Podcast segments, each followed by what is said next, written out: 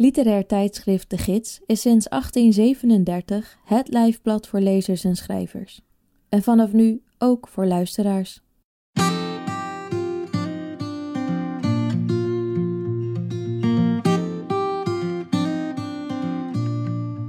Je luistert naar Sprekende Letteren, een podcast van literair tijdschrift De Gids, met in elke aflevering een verhaal, essay of poëzie voorgelezen door de schrijver of dichter zelf. In deze aflevering hoor je het verhaal Het meisje dat haar naam vergat van Fabienne Rachmadiev, dat ze schreef voor het themanummer over onthouden en vergeten. In het verhaal lijkt een boekwinkelmedewerker, die al een paar jaar te lang bij haar bijbaantje is blijven hangen, vast te zitten in een alsmaar vermenigvuldigend heden. Luister mee naar Fabienne Rachmadiev vanuit haar eigen huis. Het meisje dat haar naam vergat. De vloeiende loop der dingen. Ik was vanaf de boekwinkel op de hoek van de straat op weg naar de dure winkel tegenover het binnenhof om iets voor mijn lunch te halen. In die straat is het altijd druk. Het centraal station is om de hoek, net als de kunstacademie en een handvol ministeries. Al die mensen zie ik voorbij komen als ik achter de kassa sta bij de boekwinkel en, bij gebrek aan klanten in de zomer, door een van de vele ruime etalages naar buiten kijk. Af en toe drukt de manager vanaf de andere kant van de winkel op een bel om me eraan te herinneren dat ik niet zo naar buiten moet staren, maar me nuttig moet maken. Soms hoor ik de bel niet. Als ik mijn lunch ga halen bij de dure winkel, kost me dat ongeveer een uurloon. De manager vindt dat ik mijn geld verbras, maar ik sput er tegen dat ik het niet anders volhoud en dat een gecompliceerd koud geperst sapje me vreugde en doorzettingsvermogen oplevert, ook al kost alleen al het sapje me 75% van mijn uurloon. Mijn favoriete werkdag is de koopavond, omdat er in de vakantie dan bijna niemand komt maar er wel soms lezingen worden gehouden en ook ik dan een gratis bitterbal of mini-lumpia krijg aangeboden. Dat onderbreekt de stroperige loop der dingen. De stroperige loop der dingen, een holle opeenvolging van minuten, een vreemde tijdseenheid waar haast niets in past en die waarschijnlijk door een mens met een sadistische inborst is bedacht.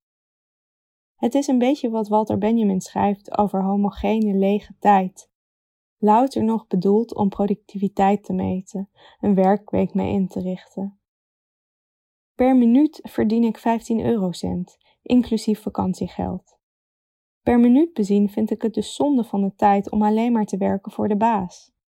Ik zoek vaak boeken voor mezelf op, leg boeken vooraan die ik zelf de moeite waard vind, ook al zijn ze niet op televisie geweest of ergens besproken of in de afgelopen drie maanden verschenen. De roulatie van boeken is hoog en de mode van boekomslagen verandert met de seizoenen. Al kun je steeds minder spreken van seizoenen, zoals inmiddels wel bekend, en tevens een geliefd, hoewel steeds politieker, onderwerp van klanten, die naast het kopen van een boek graag ook een kleine vorm van sociaal onderhoud opeisen. Een tijd lang waren bijvoorbeeld vrouwen met hun rug naar de kijker toe populair, of een tweekleur zoals de Zweedse of Marokkaanse vlag. Als klanten een boek zoeken, proberen we ons meestal eerst gezamenlijk het omslag te herinneren. Het was geel of rood, of misschien groen, en het ging over aardappels of doperten, dat stond tenminste in de titel. Het was wel een recent boek, ja, hooguit een jaar of drie geleden. Soms ontkennen de klanten dat ze het boek in een populair televisieprogramma hebben gezien. Bijna iedereen koopt per seizoen dezelfde drie à vier boeken. Als ik even alleen de romans meetel en niet de kookboeken, thrillers, populaire wetenschap, light reading en treinboeken, waarover later meer. Eerst stemde me dit droevig, maar tegenwoordig ben ik gelukkig als ik iemand toch heb weten te overtuigen van een dichtbundel of een roman die ik zelf erg mooi vond, wat overigens ook maar zelden is. Veel boeken die ik doorblader geven niets aan de werkelijkheid terug, maar onttrekken juist daaraan de meest herkenbare zaken. Zo'n boek klap ik meteen weer dicht en ik ga verder naar het volgende, altijd in de hoop op iets anders. Iets wat in potentie levensgevaarlijk of op zijn minst zeer ingrijpend kan zijn. Een boek dat zich in je herinnering nestelt zonder dat je je de precieze woorden nog kunt herinneren. maar op zo'n manier dat het lijkt alsof je ergens bent geweest, ergens achter hebt gekeken en het konijnenhol bent afgedaald. Misschien verlang ik dus van boeken, iets waarvan ik weet dat het leven het me waarschijnlijk niet zal bieden, omdat dat laatste zo ongefilterd is. Als je leest, verandert het weefsel van de werkelijkheid. Wat gebeurde er? Ook al heb je het gezien, kan het, het gebeurde, zich niet zomaar ergens aan hechten. Dat bewustzijn moet op een andere manier worden betrapt. Er moet iets worden vergeten en iets onthouden. En wat daaruit ontstaat. Van alles wat er in een mensenleven te vergeten valt, kwam het vergeten van mijn eigen naam me het meest vreeswekkend voor. Er was zo'n sprookje dat ik vroeger altijd las, ook al vond ik het eng, over een meisje dat haar naam was vergeten en pas bevrijd zou worden als iemand haar naam aan haar terug zou geven. Op een dag kwam er een jongen die haar haar naam teruggaf. Wat vond ik het griezeligst? Dat het meisje gevangen zat in haar eigen vergetelheid? Of dat het meisje die jongen gewoon maar moest geloven dat hij, die vreemdeling, de zelfbenoemde noemer der dingen was? Het vergeten is vooral beangstigend als iemand anders je vertelt dat je iets bent vergeten, maar niet wat. Of als iemand de enige is die iets onthoudt dan is de herinnering net zo goed een fictie, heeft die voor niemand anders een plek in de werkelijkheid, in een collectief geheugen. Ze bezocht een tentoonstelling in het stedelijk waar de kunstenaar een performance gaf, of een walkthrough, zoals hij het zelf noemde. Ze kende de kunstenaar van haar afstudeerwerk over de esthetische verbeelding van politiek geweld. Zijn archief over de oorlog in zijn thuisland was een met opzet verzonnen archief. De muren vol foto's, gekleurde stipjes en bijschriften hadden haar desalniettemin verward. Er was een verhaal nodig om bij dat archief te komen, net zoals dat een archief zelf een verhaal van uitsluiting en inclusie is. De Franse filosoof Jacques Derrida schrijft dat als mensen alles willen bewaren in een archief, het gevaar dreigt dat mensen niet meer kunnen terugvinden wat ze hadden willen onthouden, als een huis dat te vol zit, waardoor de afzonderlijke kamers niet meer toegankelijk zijn. Maar iedereen die buiten dat archief is gelaten, maakt alsnog haar eigen archief. Wie beheert het archief? vraagt Derrida. Afhankelijk van wie het beheert, is het wellicht toch te verkiezen niet zomaar in elk archief bewaard te worden. Inmiddels hadden de bezoekers plaatsgenomen op hun stoeltjes en nam de kunstenaar, die ze helemaal niet had opgemerkt, het woord. Hij leek midden in een verhaal te vallen over Ieper en een Amerikaan die hij daar had ontmoet. Waarom ben je in Ieper? had de kunstenaar gevraagd. Om tussen de spoken van anderen te vertoeven, had hij geantwoord. Zijn eigen doden was hij, als voormalig lijkschouwer, zat. De overgebleven bunkers in Ypres worden tegenwoordig beschermd als laatste getuigen van de Eerste Wereldoorlog. De kunstenaar hield zijn pet op, maar het publiek hing aan zijn lippen, ook toen dat verhaal steeds meer de vorm van een detective of van een sprookje leek aan te nemen. Ze spitste haar oren om de kunstenaar beter te kunnen verstaan toen hij leek te gaan onthullen waar zijn hele verhaal, dat via allerlei omwegen, een mise en abîme, nou echt overging. Net als de spoken in Yper zouden kunstwerken ook een soort ondoden zijn, die pas tot rust kwamen als ze gevangen werden door de confrontatie met hun eigen kopie. Of had ze het nu verkeerd verstaan? Er ontstond een gemurmel van ongeloof, enthousiasme en teleurstelling in de groep. Voordat ze doorhad wat er aan de hand was, maakte de kunstenaar een buiging en klonk er applaus. Ze liep door de verlaten tentoonstelling en dacht aan de kunstwerken die er waren gemaakt over de genocide in Rwanda en over Srebrenica. Na afloop zat ze in een café en noteerde ze haast niets. Alleen dat de tekst zal vergeten door wie hij is geschreven, maar ook niet zal onthouden door wie hij wordt gelezen. Het liefst vergeet ik tijdens het lezen wie de schrijver is. Maar daarbij vergeet ik het liefst ook dat ik de lezer ben. In plaats daarvan is er een tekst die een eigen bewustzijn lijkt te hebben, niet in zijn geheel te doorgronden door schrijver nog lezer. Op een donderdagmiddag vlak voor de hondsdagen stond ik weer in de boekhandel en opende ik uit het zicht van de manager af en toe een clandestine webpagina, meestal een nieuwssite, tegen de verveling. Ik zag dat er iets was gebeurd met een vliegtuig en voor dat soort gebeurtenissen heb ik een, volgens mijn moeder, morbide belangstelling. Die belangstelling is geen zeldzaamheid. Het lijkt soms alsof iedereen zit te wachten op iets onvoorstelbaars, om de stroperige loop der dingen te onderbreken. Ik klikte steeds maar op vernieuwen en met elke klik werd het nieuws groter en ontstond in bullet points een raadselachtig, maar zeer droevig verhaal. Geschiedenis is iets waarvan je graag wel en niet deel uit zou maken. Ik ben blij dat ik de oorlog heb gemist, maar ik heb, in tegenstelling tot mijn grootouders, door mijn kalme leven vrij weinig om over te vertellen. Wel stelde ik me altijd voor dat het zomaar oorlog kon worden. Ik had een geheim doosje met daarin mijn zakgeld, elastiekjes, gestolen koekjes, lucifers en een zakmes. Alles wat je nodig had, mochten ze ineens komen. Een herinnering uit een atavistisch geheugen. Net zoals de revolver en later, toen wapenbezit verboden werd, sloophamer, die mijn opa in zijn nachtkastje bewaarde, voor als ze ineens zouden komen, s'nachts. Nu is hij bijna alles vergeten, maar zij zijn nog altijd een mogelijkheid.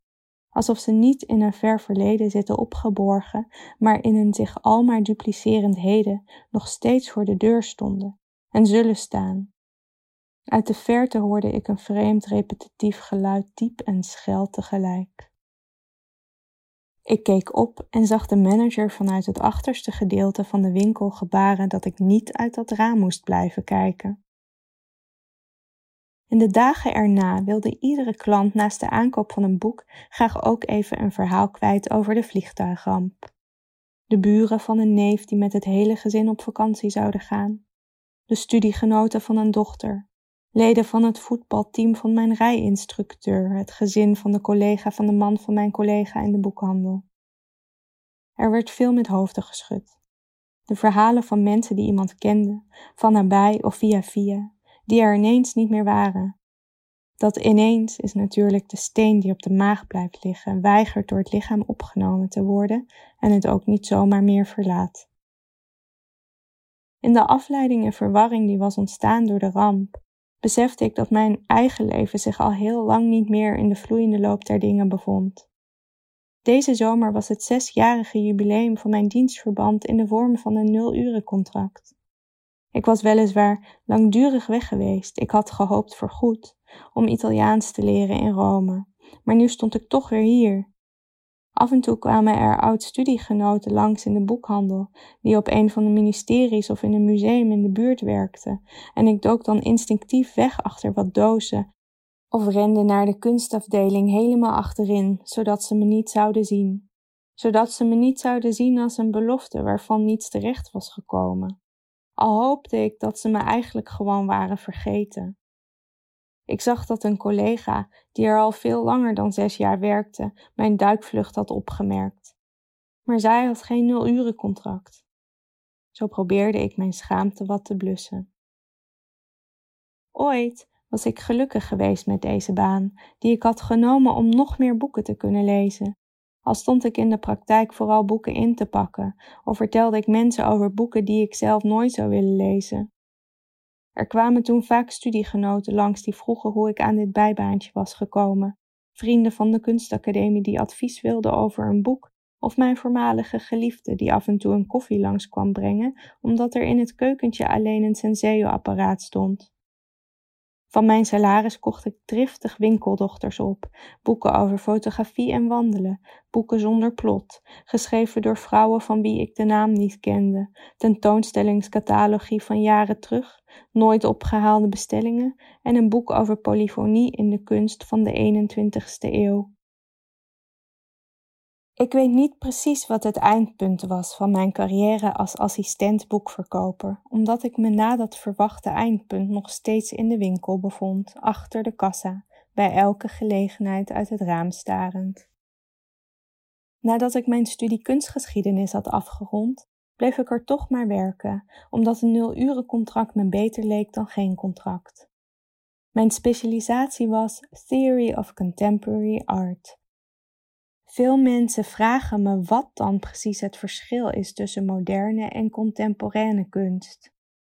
Kunsttheoreticus Pieter Osborne zegt dat het contemporaine een disjunctie van een veelvoud van het heden is.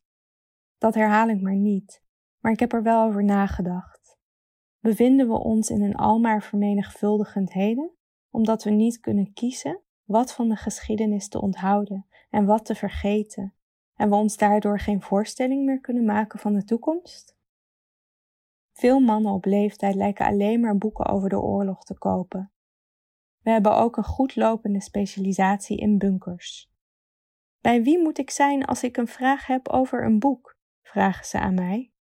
Welk boek zoekt u? vraag ik terug. Meestal volgt er dan een korte stilte, waarin ze zich omdraaien en door de winkel turen om te zien of er iemand is die er wel uitziet alsof hij iets van boeken af weet. Als ze dan de manager zien zitten, zeggen ze: Oh, ik zie het al, vriendelijk bedankt. Even later komen ze schorvoetend of boos terug omdat de manager ze weer heeft doorverwezen naar mij, zijn collega. In het vliegtuig had ook een grote groep onderzoekers gezeten. Een van die mensen was een uiterst beminnelijk overkomende hoogleraar, wiens hele leven, zo las ik in een in memoriam, in het teken van de aidsbestrijding had gestaan. Terwijl ik over hem las, kwam de baas vanuit zijn kantoor naar beneden om een rondje door de winkel te doen. Wat ik aan het doen was, vroeg hij, daar word je niet voor betaald, zei hij. Een andere keer had hij gevraagd of mijn vader ook zo'n asielzoeker was. In plaats van voor mezelf op te komen, was ik in de verdediging geschoten en had geprobeerd de hele geschiedenis waaruit mijn vader voorgekomen was in een notendop uit te leggen aan iemand die, zo bleek, daar volstrekt geen belangstelling voor had. Deze keer leek hij te denken dat mijn vader iets te maken had met het vliegtuig, omdat hij toch ook uit die regio kwam. Ik zweeg, stofte een plankje af en toen hij weer naar boven was, klikte ik de website met het in memoriam open en las verder over het pionierswerk van de onderzoeker in de vroege jaren van de AIDS-crisis. Ik ben in de jaren tachtig geboren, wat een band met dat decennium schept. Maar tot mijn spijt heb ik ze dus niet bewust meegemaakt. Er lijkt van die periode een belofte over te zijn, die nog moet worden ingelost. De jaren negentig, in Nederland althans, leken voor even een voltooiing van de geschiedenis te zijn, waardoor uitstaande beloftes werden vergeten. De moeder wier zoon niet meer te genezen was, dit waren de vroege jaren negentig, toen mensen aids hadden in plaats van alleen HIV, zat samen met hem en zijn vader in zijn huiskamer. De zoon wilde nog even het balkon op. De arts zou later die dag komen voor het einde, ze probeerde niet op de klok te kijken. Haar zoon was al een tijdje haast doorschijnend geworden, maar desalniettemin nog hier. De laatste keer op het strand, vertelde zijn tante, moesten zijn haar zussen hem aan twee kanten vasthouden, anders waaide hij zo weg. In zijn kamerjas liep hij naar het balkon om nog eens naar de stad daarbuiten te kijken, om afscheid te nemen van Amsterdam.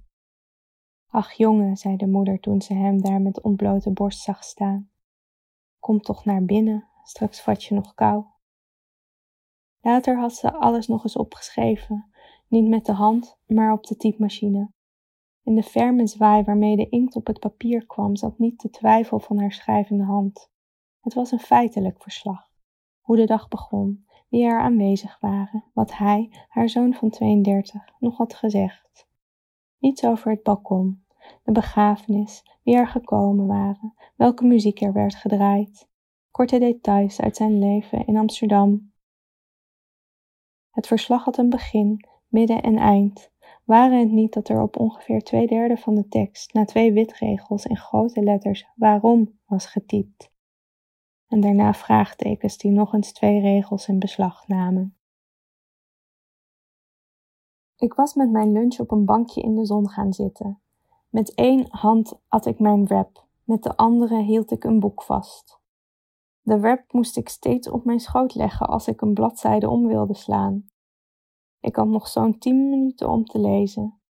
Door het besef van die magere minuten verdampte mijn concentratie. Ik legde nu het boek op mijn schoot en at voorzichtig de rest van mijn lunch op. Waar de dagen eerst werden afgewisseld met het schrijven van mijn scriptie en het ritme van een langdurige relatie, leek deze zomer me daarvan het slotakkoord. Ineens werd ik bevangen door een onbestemd gevoel van enthousiasme, van verwachtingen, alsof het nog een vroege zonnige ochtend was. Van zich oneindig vermenigvuldigende mogelijkheden voor hoe het ook kon zijn als ik gewoon maar zou stoppen met de laatste toon van het akkoord, de boekwinkel. Dan zou ik zo terugglijden in een vloeiende loop der dingen, een onderstroom die er altijd al geweest was, maar waar ik alleen de juiste opening in moest zien te vinden. Net als mijn jong aan aids gestorven familielid, zou ik naar Berlijn gaan en daar zou ik, voor even, niemand meer zijn. Iemand wiens persoonlijke verhaal zou oplossen in de aanwezigheid van zoveel echte geschiedenis. Hij was gestorven in 1990, het begin van het einde van de geschiedenis. Toch lijkt het alsof hij er nog is. Hij is alleen niet nu hier, maar wel in het archief. In dat archief zou ook de sympathieke onderzoeker komen en misschien kon daar een extra kamer voor ze worden gemaakt. Een gemeenschappelijk verhaal. Mijn pauze was om en ik haastte me terug. De manager zei er gelukkig niets van. De wrap lag zwaar op de maag. Een klant moest zijn trein halen en een cadeau hebben, dat ik voor hem moest uitzoeken en ook inpakken graag. Ik liet hem het boek van de maand zien. Prima, zei hij, en ik pakte het gauw voor hem in. Nadat hij weg was, werd het weer stil en moest ik nog vier uur voordat de kassa kon worden geteld.